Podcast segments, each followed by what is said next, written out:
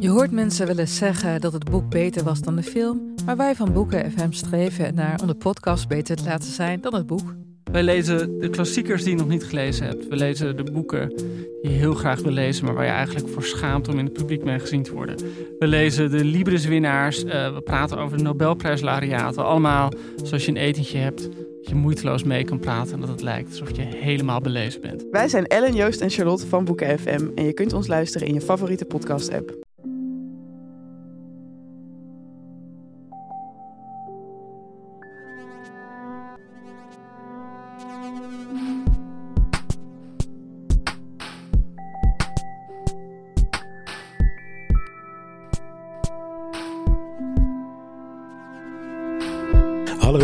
Pieter van Relaas.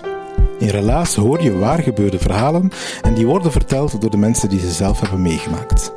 De eerste twee weken van dit nieuwe jaar doen we iets speciaals, omdat het voor velen nog vakantie is en omdat we eerlijk gezegd zelf ook nog een beetje uit onze winterslaap moeten komen. Dit is de laatste trouwens van drie thema-uitzendingen, telkens met een rode draad. De eerste rode draad was eindjaarsnacht of oudjaarsnacht. De tweede was De appel valt niet ver van de boom. En voor deze aflevering is de link tussen alle verhalen tegen beter weten in. Kaatje, dit is de realiteit. Dat was de mokerslag die ons werd toegediend in Café is Café in Gent tijdens onze editie samen met Enchanté. Dat is een netwerk van gastvrije handelaren. Die mokerslag die vond plaats in augustus van 2018.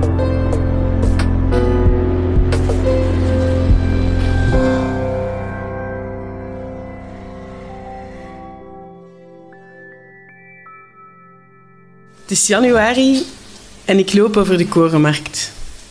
Ik heb net in de H&M een paar kleren gekocht. Allee, een paar.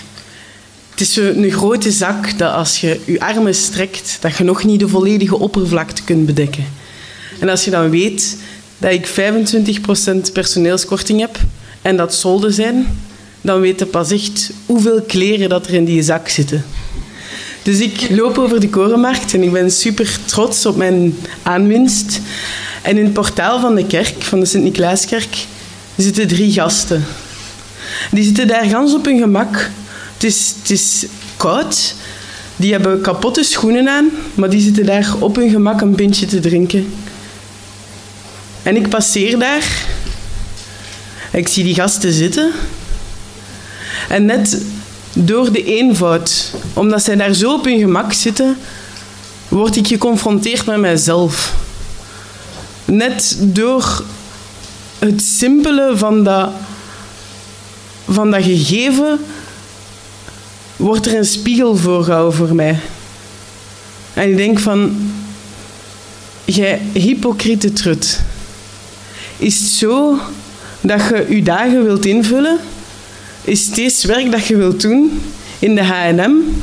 En dan met het geld dat je daar hebt verdiend, door dat stoemwerk te doen, kleren te kopen die je niet nodig hebt. Terwijl hier in dat portaal van die kerk drie gasten zitten met kapotte schoenen. Door die vraag te stellen, weet ik het antwoord eigenlijk al. Dus ik ga naar huis, ik ga op het internet en ik zoek naar vrijwilligerswerk.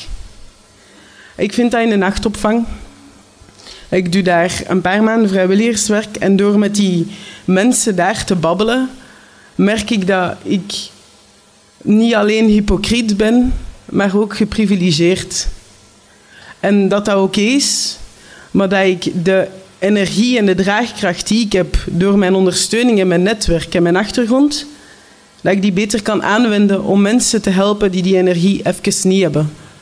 Dus ik ga werken met jongeren die geplaatst zijn door de jeugdrechter. En ik ga werken in project Leegstand. En uiteindelijk land ik in straathoekwerk, waar ik nu dus ook nog werk. September 2017 ben ik daar begonnen. En elke straathoekwerker die begint, die gaat ook zo even met collega's meelopen in die wijk, om die wijk te leren kennen, om te zien hoe dat je onderdompelt, om te zien hoe dat je te gast bent. Want dat is de essentie van straathoekwerk. Wij komen niet hulpverleners spelen, wij zijn te gast. Daarom zijn het ook onze gasten. En gedragen wij ons. Straathoekwerkers gedragen zich altijd. Ik heb dat gedaan in Ugent in oktober met mijn collega Toto. die mij zijn wijk liet zien. En zonder te willen uitweiden over mijn mogelijke daddy-issues, wil ik even meegeven dat Toto echt een vaderfiguur is. Dat is zo een nette mens, zo uh, een bredere, een beer, waar dat je zo een beetje bang van bent, maar waar dat je ook heel veel veiligheid bij kunt vinden. En als die een kamer binnenkomt, dan geeft hij iedereen, persoon per persoon, een hand. En vervolgens brengt hij zijn hand naar zijn hart. Ik vind dat zo'n mooi gebaar van erkenning en waardering, dat ik me zo altijd wat speciaal voel als Toto mij dag zegt. En hij doet dat die een dag in oktober ook. En ik huppel als een jonge puppy achter hem aan. En hij laat mij zijn wijk zien, Nieuw-Gent. En dat is een verschrikkelijke wijk. Dat is een troosteloze, grauwe buurt met kapotte brievenbussen en kapotte ramen en kapotte deuren en kapotte inkomhallen. En dat pakt, dat pakt u sowieso als je daar rondloopt.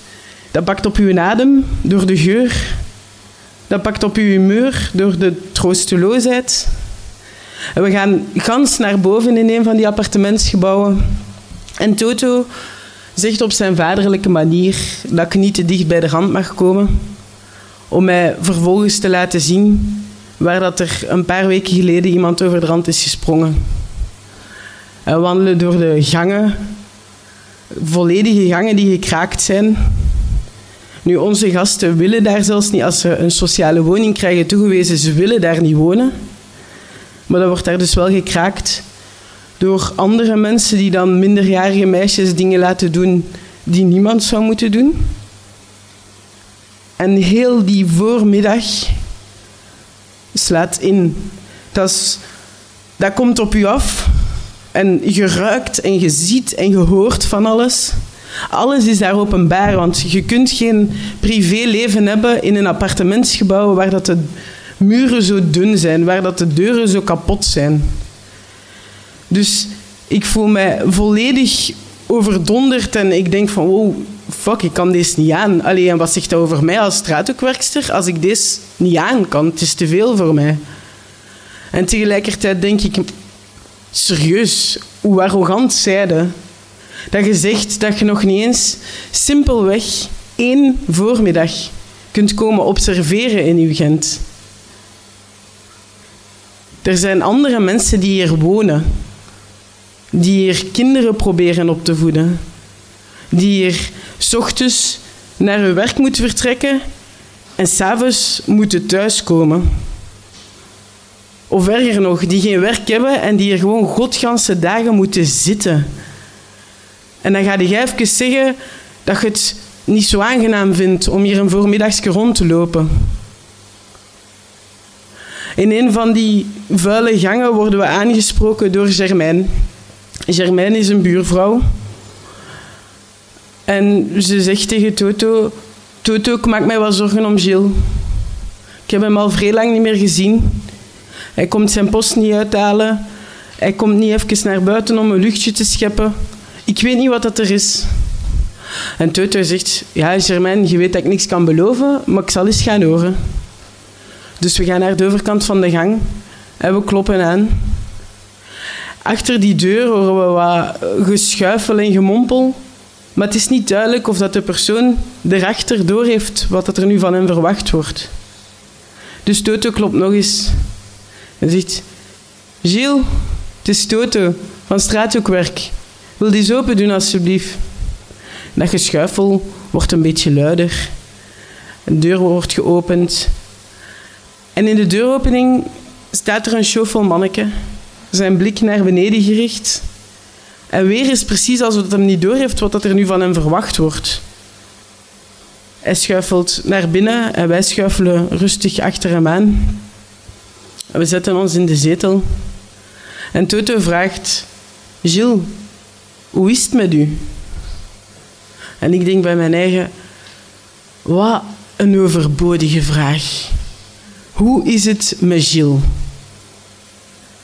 En tegelijkertijd bedenk ik mij dat het misschien niet zo slecht is om hem daar eens te laten bij stilstaan.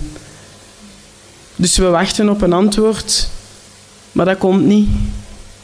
Gilles zit in zijn zetel en hij zit te trillen, een beetje gelijk ik nu misschien. Ehm, en hij pakt een blikje Gordon-pils, hij klikt dat open, hij brengt dat trillend naar zijn mond en hij kapt dat voor de helft leeg. En Toto zegt, Gilles, heb jij nog gegeten sinds ik hier ben geweest? En Gilles reageert niet. Stoto zegt, Gilles, heb jij sinds donderdag nog gegeten? En Gilles antwoordt, welke dag is het vandaag? En ik slik. Toto zegt, het is dinsdag, Gilles.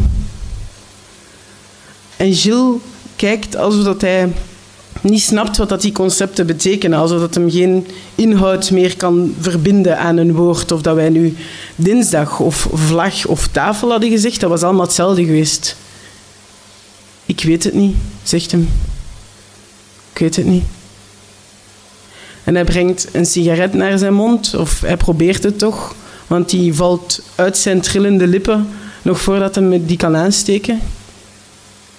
En Tutu zegt, Gilles, mag ik eens naar uw huisdokter bellen? Gilles knikt, schudt iets ertussenin. Dus Toto belt en de huisdokter verzekert ons dat Gilles deze keer wel zal opgenomen worden en dat hij wel zal geholpen worden en dat hij niet na drie dagen op straat zal gezet worden omwille van zijn multiproblematiek die te moeilijk is om aan te pakken. Hij moet gewoon nog even volhouden. Hij moet gewoon nog even meewerken. Gewoon nog heel even. En dat komt allemaal goed. Dus we beslissen samen met de huisdokter om een ambulance te bellen. En plots moet dat snel gaan, want Gilles wordt opgenomen. En deze keer, deze keer gaat echt voor lang zijn. Hij gaat niet na vier dagen uit de UPSI gezet worden. Nee, nee, nu is het echt voor lang. En hij moet mee. En hij moet zijn gsm-lader hebben. En hij moet proper onderbroeken hebben. Want je moet, allez, als je opgenomen wordt, moet proper onderbroeken hebben. Dus we zitten alles te zoeken. En opeens staan die ambulanciers daar. En die vragen aan Gilles of dat, of dat hij zijn papieren heeft en of dat gaat lukken zo, bla bla. Gilles gaat mee, wij allemaal naar de lift. En dat is zo een veel te kleine lift, waarin dat je niks kunt verhuizen. Maar wij stappen daarin met vijf. En we staan veel terecht, gelijk dat je in de trein staat, zo ongemakkelijk bij mensen die je niet zo goed kent. En ik kijk naar Gilles ik heb het gevoel, gelijk in een kindje dat net een vogel tegen het raam heeft zien vliegen. Van, je weet niet of dat je dat beestje mocht oppakken en in je handen houden en laten weten dat, je, dat het wel goed gaat komen. Of dat je dat beestje moet laten liggen. Omdat als je het oppakt, dat zich misschien nog meer pijn doet. En Gilles zit al de hele tijd naar beneden te staren. En hij mompelt iets. Maar ik versta hem niet. En ik wil zijn stilte niet afpakken. Ik wil niet de persoon zijn die zegt, wat zeg je? Dus ik zwijg. En Gilles herhaalt. En deze keer versta ik het wel.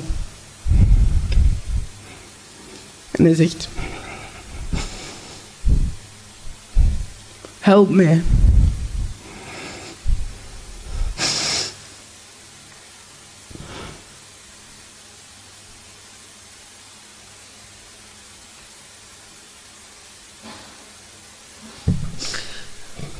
En ik val.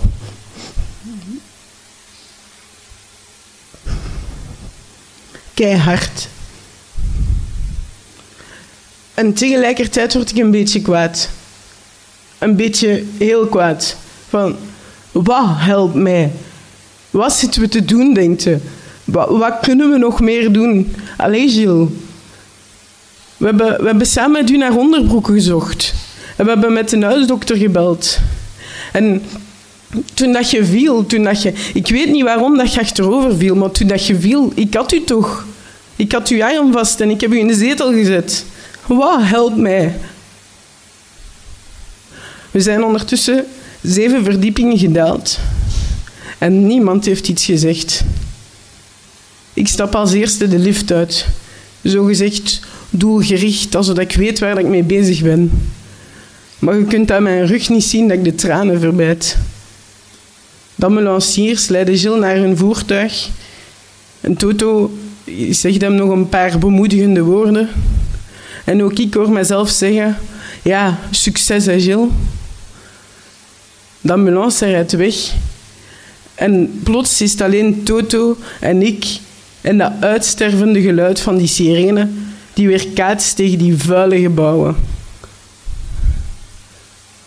En ik begin te blijten. Ik stotter en schrik en snotter.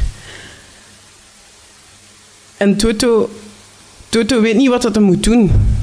Hij schrikt ook. Hij zegt het ook, Kat, ik weet niet wat ik moet doen. En hij pakt mij in zijn armen. Het enige wat dat op dat moment moet doen. En hij pakt mijn gezicht in zijn handen en hij zegt: Kaatje, dit is de realiteit, hè? En ik glimlach door mijn tranen en ik zeg: Ik weet het, Toto.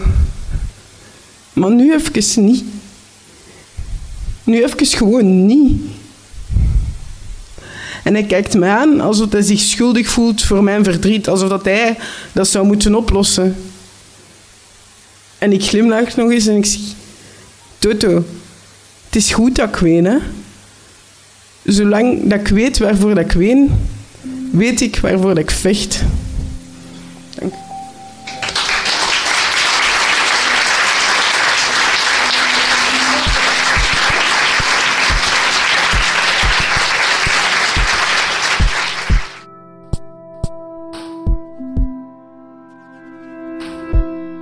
Beter weten in. Dat is de cryptokronkel die al onze verhalen in deze special met elkaar verbindt. Zo ook het verhaal over het onbespreekbare verleden van Rita. Het verhaal speelt zich af in Antwerpen en werd daar ook verteld in september van 2018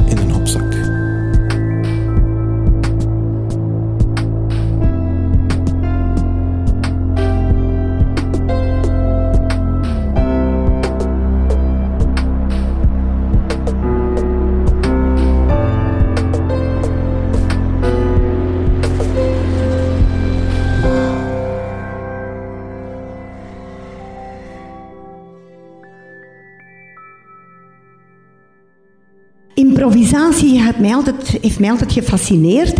En uh, uiteindelijk ben ik uh, heel veel te weten gekomen over improvisatie. En ben ik gewoon ook gaan improviseren op feestjes en zo. Uh, dan kwam ik als ongenode gast. Of als een tante die heel veel wist over alle, alle mensen die er aanwezig waren. En eigenlijk zo'n beetje een lastige klant zo. Maar mensen vonden dat plezant. En ik ook. Maar 30 jaar geleden is er mij iets overkomen dat ik, eigenlijk... Ik was in Parijs en dat heeft mijn leven een heel andere wending gegeven. In Parijs zag ik een gast, een straatartiest, bezig. Hij deed pantomime. Dus zonder woorden fascineerde hij de mensen, sprak hij de mensen aan zonder, alleen met gebaren. Een beetje gelijk de stomme film. En ik, ik ik was direct mee mee. Hij kwam met een roos, hij kwam naar mij en hij wilde mij die roos overhandigen. Ik wilde die aannemen en hij gaf ze vliegjes vlug aan een oude madammeke die daar passeerde en die daar natuurlijk vreselijk om moest lachen. Ik keek blijkbaar een beetje sip, want met een heel klein piepklein zakdoekje probeerde hij mijn tranen zo'n beetje te drogen. Zo. En ik vond dat fantastisch, wat die gast presteerde. Ik keek hem na terwijl hij tussen de tafeltjes verdween en daar allerlei dingen deed met zijn handen en met zijn ogen, met zijn blikken. Ik dacht, ja, dat moet ik ook kunnen. Dat, dat ga ik proberen. Ik kwam thuis en ik probeerde mij eerst met mezelf een beetje karakter te geven. Mezelf te schminken voor de spiegel.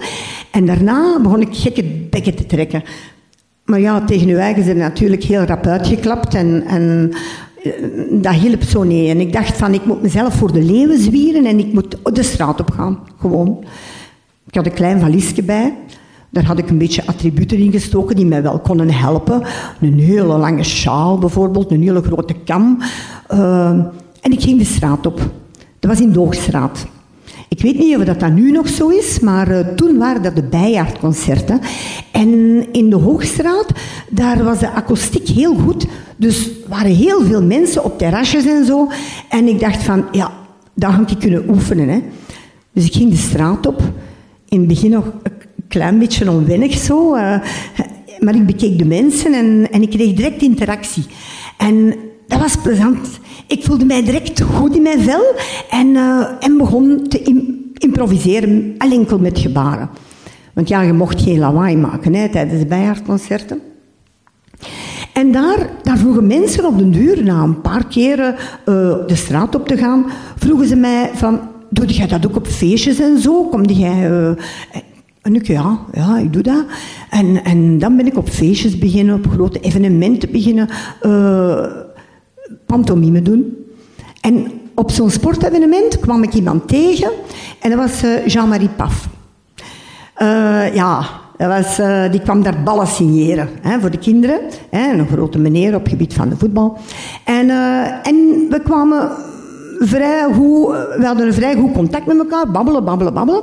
En hij zei van, ja, maar kom met mij werken. Ik heb een evenementenbureau en een theaterbureau en jij kunt bij mij beginnen. En, en zo ben ik terechtgekomen op uh, grotere evenementen, sportevenementen en zo. En op een keer moest ik op een feest, uh, naar een feest gaan. En dat was in Tervuren, het paleis van Tervuren. Een enorm imposant gebouw, uh, een voortuin met zo'n een, een fontein ervoor, een enorm bordes, trappen. En het was een enorm groot feest van de grote baas van de SECA de SECA-nafstations. Ouderen onder ons die kennen dat wel. Hè. Dat was, uh, dat was uh, zo'n nafstation waarbij als je ging tanken, kon heel je servies bij je sparen. Hè, dan, dan kreeg je zegeltjes en dan kreeg je borden en, en, en tassen en, en kommen en, uh, lepels en zo heb ik heel een uitzet bijeen gekregen. En, dus, en die baas, die man, die werd 80. En hij had een heel groot feest georganiseerd. Eh, op het avondfeest was zelfs Margriet Hermans, hè, toen nog een beginnende ster. Hè, en, uh, en, en Tone de Plekker, dat was uh, Theater Tonen, Brussels theater, heel gekend. En ik dacht, amai. En mijn taak bestond erin om in een overalletje van de Sekka bij een oude nafpomp te gaan staan, een oude benzinepomp. En daar de mensen mee naar binnen te lokken. en je kunt niet weten wat je allemaal met een oude naftpomp kunt doen. Dat is enorm veel.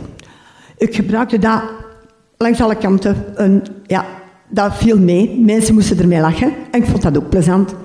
En zo kwamen de mensen binnen. En de jarigen, de jarigen, ik, ik zeg niet graag oude man. Want 80 is voor mij niet meer zo oud, verstaan je? Ik ben ook niet meer zo jong. Dus, dus de jarige, die stond daar, was een reizige man, een mooie man met grijs haar, een beetje kaal van boven.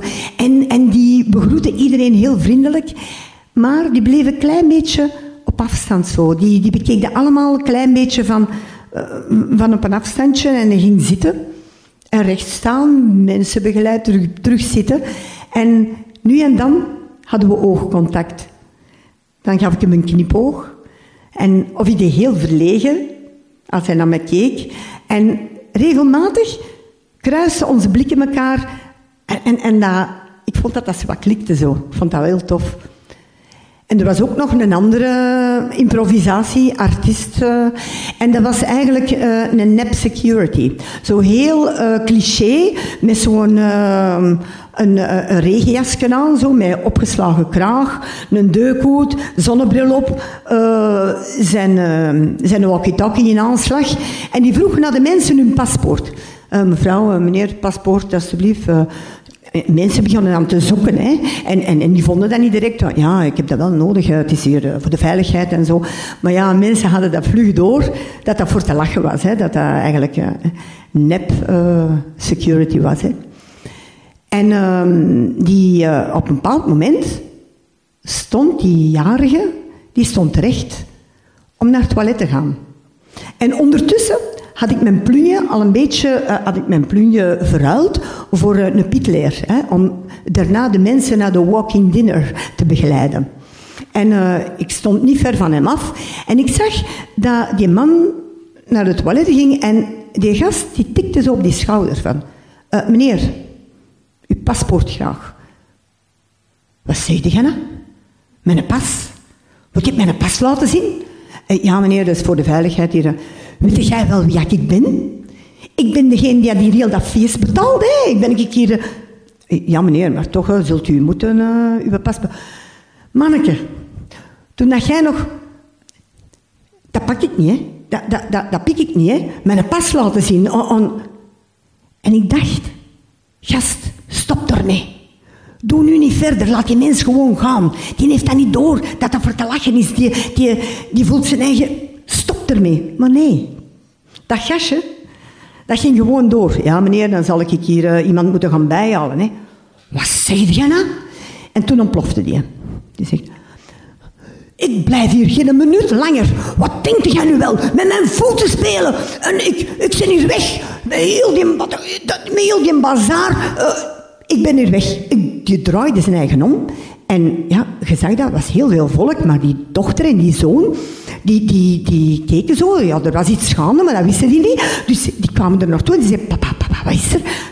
Papa, vader, die ging gewoon naar de ingang. En daar stond zo'n hostesje, die de mensen zo bloemetjes had gegeven en zo. En hij zei, bel met een taxi. Ik blijf hier een minuut langer, blijf bel met een taxi.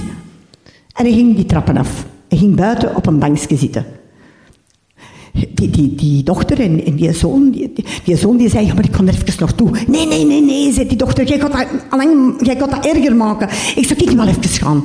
Maar onverrichter zaken kwam die terug naar boven en zegt, onze pa wil niet meer naar boven komen. En ik deed teken zo van, moet ik eens gaan? Nee, nee, zei die. Nee, zit die zoon. Oh, gaat het langer erger maken. Je kent mijn vader niet. Dat zijn aparte. Dat is geen dat een speciale. Hè? En er werd nog een beetje gedrenteld en zo. En ineens kreeg ik van binnen een ingeving.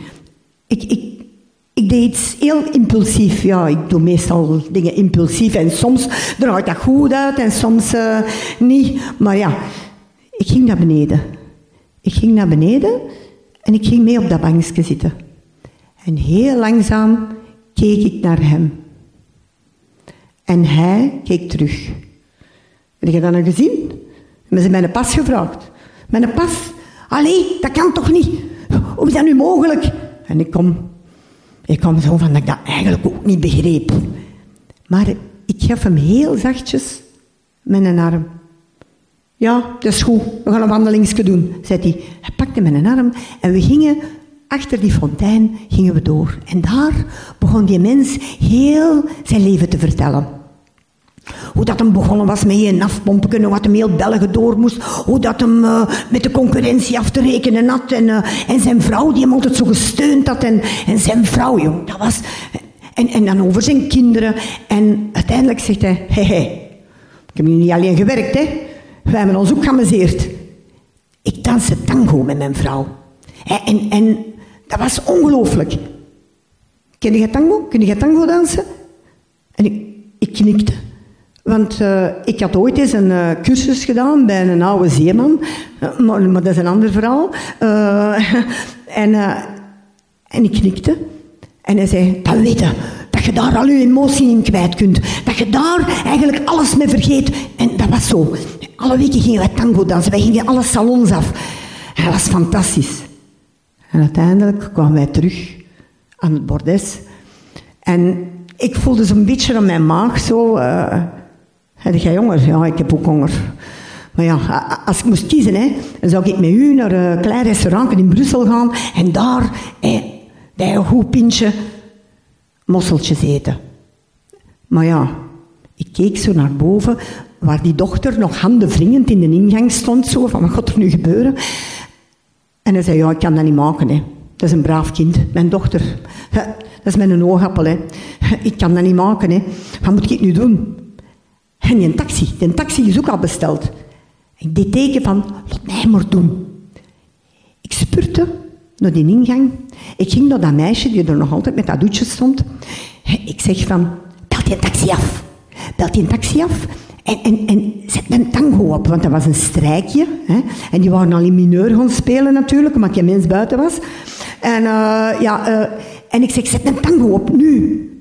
Oké, dat meisje naar binnen. En ik, ik ging zo heel relaxed van die trappen, alhoewel dat de zenuwen door mijn, door mijn lijf gierden. En ik ging naar hem. En hij zei, zeg, als ik nu een noot moest hebben, eigenlijk jij, dan ging ik daar naar binnen ook eens een beetje het zotteken uithangen. En ik keek naar hem en terwijl dat ik naar hem keek, kwamen de eerste tonen van een Argentijnse tango. En hij richtte zijn rug en ik gaf hem mijn hoed. En met zijn hoed op mijn hoofd zei hij, wil je een tango met mij dansen? En ik knikte. Hij nam mij vast en we gingen samen die trappen op, al tango dansend, in die zaal. Ik zag eerst die mensen allemaal nog kijken, maar toen, toen zag ik niks meer. Toen voelde ik alleen nog de muziek en hem, die heel goed, hij kon heel goed dansen. En wervelend gingen wij door die zaal. En zachtjes hoorde ik de mensen beginnen klappen. En uh, dat zwol aan tot, tot een applaus. En toen de tonen wegstierven van dat orkest, was dat een enorm applaus. En heel kalm nam hij die hoed af, zette die terug op mijn hoofd, gaf mij een kushand. En in zijn blik, wat ik daarin zag, ik zag dat hij terug zijn waardigheid had gekregen. En dat was een heel emotioneel moment voor mij. Hij ging terug naar zijn dochter en ik begeleidde de mensen naar de walking dinner. En dan heb ik vijf minuutjes pauze moeten nemen, want uh, ik was helemaal op van de zenuwen natuurlijk. Ik, uh, ik moest het eventjes uitzweten. En ik ben driedubbel betaald geweest die avond. Wat heel goed meeviel natuurlijk. Maar het belangrijkste voor mij, dat was die blik in die man zijn ogen. En dan heb ik beseft dat de kracht van het zwijgen sterker was dan al die verhaaltjes die ik al ooit verteld heb. Dank je wel.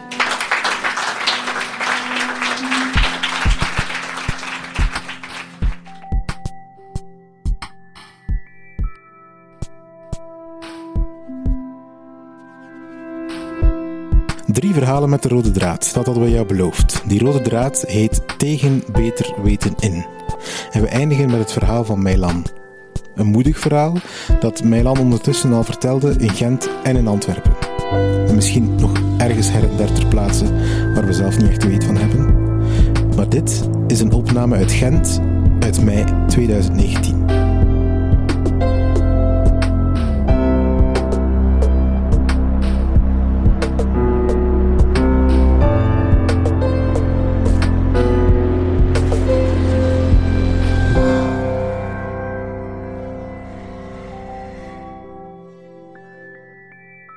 Op 1 maart uh, dit jaar lag ik in een, uh, in een hostel, in een bed, met zo'n te dunne matras en stinkende dekens. En uh, op anderhalve meter van mij lag Vera. Vera is mijn middelbare schoolvriendin, nog steeds. ik zit niet meer op de middelbare school. Um, en zij was aan het slapen, want het was drie uur s'nachts. En ik kon niet slapen. En als ik niet kan slapen, dan heb ik de hele slechte gewoonte om te scrollen op mijn smartphone door Facebook. En als ik dat lang moet doen, dan begin ik mensen op te zoeken die ik al lang niet meer heb gezien. Uh, en zo door hun profiel te scrollen. Ik ben zeker dat ik niet de enige ben die dat doet. Um, en die nacht in Madrid in een hostel um, doe ik niet zomaar een random profiel, maar ga ik naar het profiel van Ellen. En uh, ik scroll. Ze heeft veel dingen openbaar staan, ik kan zo uh, lezen wat ze doet. En ik beslis om maar een berichtje te sturen op Messenger. En ik schrijf iets in de trend van... Um, hey Ellen, um, ja, ik heb het idee als ik naar je Facebook-foto's kijk en naar je post lees dat, uh, dat er veel gebeurd is, dat je veel veranderd bent. En um, ja, ik kwam toevallig op je profiel terecht, zeg ik dan. en ik, ik moet toegeven, Ellen, schrijf ik dat je naam mij toch altijd een beetje een, een raar en incompleet gevoel geeft. Uh, zelfs na al die jaren En ik heb het idee dat wij iets, uh, iets af te ronden hebben samen. Heb jij dat ook, vraag ik. En uh, ik twijfel even en ik verstuur het toch. En, en, een dag later krijg ik een berichtje terug van haar. redelijk luchtig.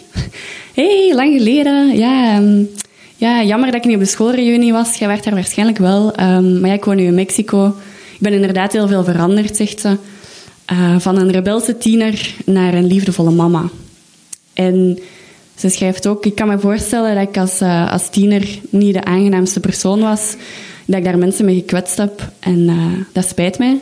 Maar als jij daar nog iets over wilt zeggen, of over wilt schrijven, dan, um, dan mag dat altijd. Ik sta daarvoor open. En ze doet zo'n namaste-emoji, uh, dat ik wel grappig vind. Want um, dat is eigenlijk niet wat ik met Ellen zou, zou geassocieerd hebben vroeger. Als je mij voor maart dit jaar gevraagd had hoe ik Ellen zou beschrijven, dan had ik gezegd... Um, ja, zeker een rebelse tiener. Een egoïstische tiener. Een pestkop. Uh, iemand die heel gemeen is en eigenlijk alleen maar met zichzelf bezig is. Um, maar nu zou ik dat anders zeggen. Um, na eerste bericht schrijf ik, uh, schrijf ik terug, begin ik te schrijven. En dat is heel spannend. Na tien jaar Um, we hebben samen in de middelbare school gezeten en na tien jaar beslis ik om te schrijven. En ik moet daar hard over nadenken van wat wil ik eigenlijk echt zeggen tegen Ellen? Wat, is dat incompleet gevoel? Um, en ik ga terug naar een anekdote die eigenlijk ook duidelijk maakt hoe dat onze middelbare schooltijd was en waarom ik die dingen over Ellen zei, dat ik daarnet zei. Um, ik beschrijf een situatie in het vierde middelbaar. dus wij zitten samen in de klas een klas humane wetenschappen, vierde middelbaar, dan zit je denk ik 15, 16. Uh, ik was het enige blinde kind in de klas. Ik zat op een gewone school, noemen ze dat dan. En we zaten al twee jaar samen in de klas, Ellen en ik. Uh, en er waren een aantal aanpassingen voor mij. De school die ondersteunde mij door dingen anders te doen. Ik werkte met een laptop. En soms moest er wel eens gewacht worden, omdat er iets aangepast moest worden voor mij. En dat was blijkbaar niet gemakkelijk. De klas reageerde daar moeilijk op. Er werd gezucht, er was commentaar. En dan een hele tijd was er wel was er jaloezie en, en, en onrust in de klas. En voelde ik me eigenlijk altijd uh, te veel of een last omdat ik blind was. En ik kreeg doorheen de jaren op mijn middelbare school, vooral van Ellen, echt de boodschap van dat is vervelend. Alles wat hier anders moet is vervelend. Dat is niet eerlijk, dat je tijdens aardrijkskunde de woestijnen niet geel moet kleuren in een boek en dat je iets anders mocht doen. En als je goede punten hebt, is dat alleen maar omdat je geholpen wordt. En op alle mogelijke manieren. Zo ook um, in het vierde middelbaar in de les Nederlands. Les debatteren en we deden een brainstorm over, uh, over welke stellingen wilt je debatteren. En Ellen staat recht of eerst steekt haar hand op zegt, ja, ik heb ook een stelling. Uh, mijn stelling is dat blinde leerlingen niet op een gewone school zouden mogen zitten en die moeten naar een speciale school, dus zodat ze het tempo niet verlagen. Ik was geen super slimme student, maar ik was zeker niet iemand dat het tempo vertraagde. Um, op dat moment zaten we al twee jaar samen in de klas. Ik kreeg al twee jaar elke dag de boodschap, um, blind zijn is irritant voor ons. En ik was al twee jaar in stress. Dus ik had ook niet meer de, de ballen, zoals ze dan zeggen, om daarop te reageren. Ik deed mijn best om onder mijn bank te verdwijnen. De leerkracht Nederlands die stond ongemakkelijk te draaien van voor. Die wist niet wat ze ermee moest doen. En die heeft dat genegeerd. Ellen stond recht en zei, ja, waarom staat mijn stelling niet op bord? Ik meen dat. Blinde kinderen moeten niet in een gewone school zitten. Die moeten naar een speciale school. Um, ik denk dat, dat, dat dat echt het beste beschrijft hoe mijn middelbare school bijna elke dag was dat gevoel, uh, die, die ja, afwijzing, wij willen hier niet. Als 15-jarige, dat kwam echt hard binnen voor mij. En ik beschrijf dat in mijn, uh, mijn tweede langere bericht naar Ellen. En ik, ik zeg, ik, ik begrijp het niet. Ik heb mij altijd afgevraagd waarom dat je dat gedaan hebt, wat dat je eigenlijk wou. Maar ik heb ook spijt geschreven. Ik heb spijt dat ik nooit gevraagd heb waarom dat je dat deed. Dat ik uw kant van het verhaal eigenlijk helemaal niet ken ik vind het raar, ik begrijp het niet, waarom werd je zo hard? Wat heb ik gedaan dat je zo boos werd op mij? En hoe voelt het als ik dat beschrijf en als ik zeg dat ik me gepest voelde, dat mij dat pijn gedaan heeft? Hoe kijkt jij daarnaar? Wat is uw kant van het verhaal? Ik heb dat heel vaak nagelezen, dat bericht. En uiteindelijk toch verstuurd. Um, en heel lang gewacht. Dat was maar een dag, maar dat voelde heel lang. En heel bang uh, afgewacht wat ze zou terugschrijven. En ook wel nieuwsgierig na tien jaar. En ze schrijft terug en ze doet haar verhaal. Een heel lang bericht, midden in de nacht, uh, vanuit Mexico, waar ze nu woont. En ze vertelt dat ze als kleuter zelf gepest werd. Dat haar vroegste herinnering is dat haar vader haar helemaal afsloeg. Uh, dat haar mama depressief was. Um, dat ze het zelf super moeilijk had. Gefrustreerd, concentratieproblemen. En dat het zo moeilijk was dat ze op den duur buiten in het weekend feesten met drank, drugs en jongens, dat ze ook op school begon wiet te smoren om kalm te zijn in de klas, dat ze aan de cocaïne zat en zelfs aan de speed. 15 jaar. Um, ik, ik wist niet wat ik hoorde. Dat is nooit wat ik gedacht had. Maar ik voelde ook gewoon zo begrip ik, ik begreep het. Ik weet hoe dan een gefrustreerde 15-jarige tiener op speed, hoe dat hij zich gedraagt naar haar leeftijdsgenoten. Ik heb dat gevoeld, maar ik begreep het. En dat is ook wat ik haar schrijf. Van Ellen, ik, ik ben zo blij en zo dankbaar dat je dat vertelt, dat ik dat mag, mag lezen. Um, en ik begrijp zoveel beter wat er gebeurd is. En we schrijven een, een hele tijd. We beginnen echt een lange, lange conversatie naar elkaar.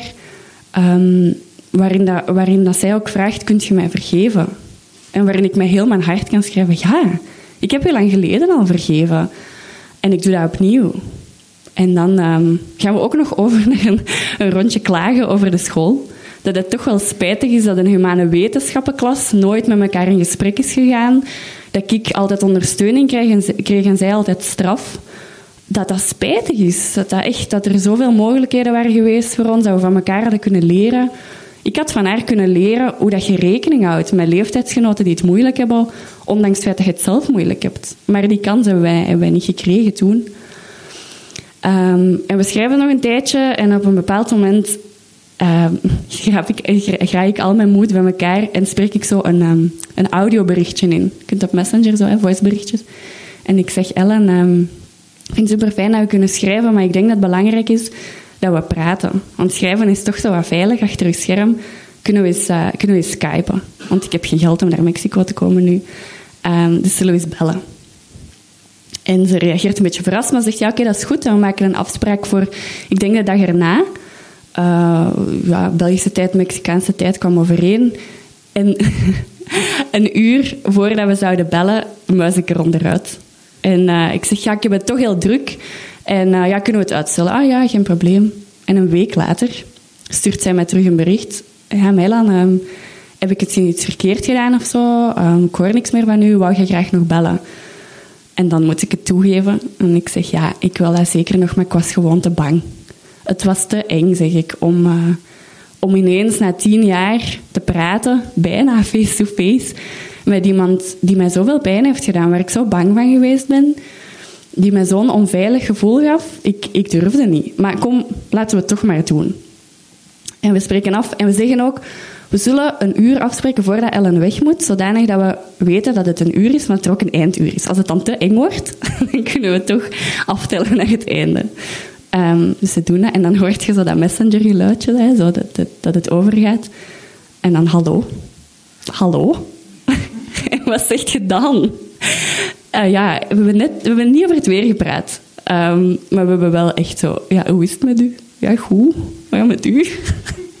en, uh, en dan uh, denk ik een kwartier in de algemeenheid over het leven. En dan heb ik toch maar gezegd van... Ellen, zullen we het eens over ons hebben? Zei ze, ja, oké, het is goed.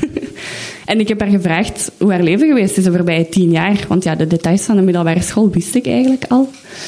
En ze vertelt dat ze gestudeerd heeft, maar daarmee gestopt is. Dat ze ziek geworden is en dan is beginnen reizen, omdat ze toch vindt dat er meer in het leven zou moeten zitten. Dat ze in een yogi-community heeft gewoond in Costa Rica. Dat ze heeft rondgereisd met haar, met haar lief uh, door Europa, onder andere Israël. En dat ze dan onverwacht zwanger werd en op haar 25 een dochter kreeg. Dat, zei ze, dat veranderde heel mijn leven, dat opende mijn hart. Ik kon mijn verleden achter me laten. Uh, een nieuw hoofdstuk begonnen als ik 25 was. We praten en ze stelt mij dezelfde vraag. En ik vertel haar wat ik ongeveer al door had toen wij aan het praten waren, dat ik denk dat we op dezelfde plaatsen zijn geweest. En, um, dus Ellen en ik hebben elkaar tien jaar niet gezien. En we praten over de voorbije tien jaar. En ik vertel dat ik een jaar in Costa Rica heb gestudeerd. Um, 2014, 2015. En ik vraag haar, wanneer waart je daar? Januari, februari 2015. In Uvita, waar ik heb gesurfd. Eh, ja, dat is toch wel wat maf. En dan zeg ik, ja, ehm, nadat ik afgestudeerd ben uh, in Costa Rica, heb ik stage gedaan in Palestina en Israël. En ik heb vijf weken in Tel Aviv gewoond. Wanneer wacht jij in Israël? En Ellen zegt, ja, september, drie weken, september 2015. Ja, ik was daar van eind september tot eind oktober. en dan zegt ze, nadat we allebei zo, what the fuck, hebben gezegd, zegt ze, ja, maar er is nog iets. Want ik had haar verteld aan het einde van mijn tienjarige, tienjarige relatie. Had ik haar verteld dat ik op mijn 25e verjaardag eigenlijk een nieuw hoofdstuk ben begonnen. Dat ik uh, mijn oogoperatie, laatste oogoperatie heb gehad, waarmee dat ik mijn laatste stuk zicht verloor. Dat dat heftig was, maar ook heel mooi. En ik zeg dat ook altijd, van dat heeft mij de wereld op een andere manier laten zien, eindelijk.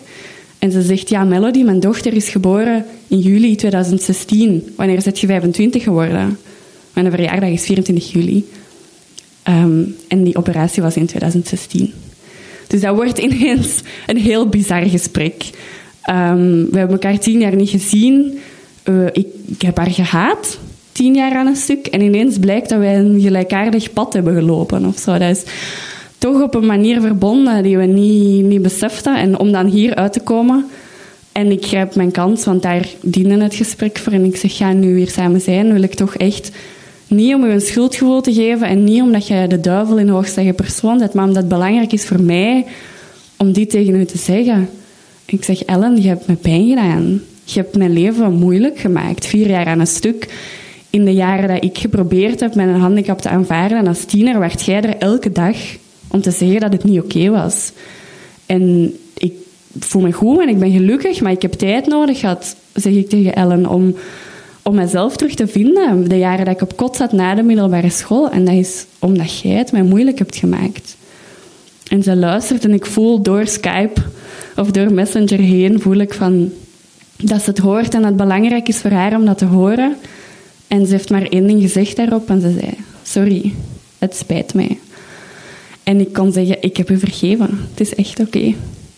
En dan moest ze weg, want dat hadden afgesproken. Um, en ze stuurt mij daarna s'avonds nog een berichtje op Messenger en ze zegt, Melan, dank u wel. Ik ben zo dankbaar voor het gesprek. Het is zo, dit is zo helend voor mij. En ze schrijft, um, ik geef zoveel om u en ik ben blij dat het goed met u gaat. En ik was zo blij, nog altijd heel blij, dat ik kon terugsturen, Ellen, ik geef ook echt superveel om u. Dank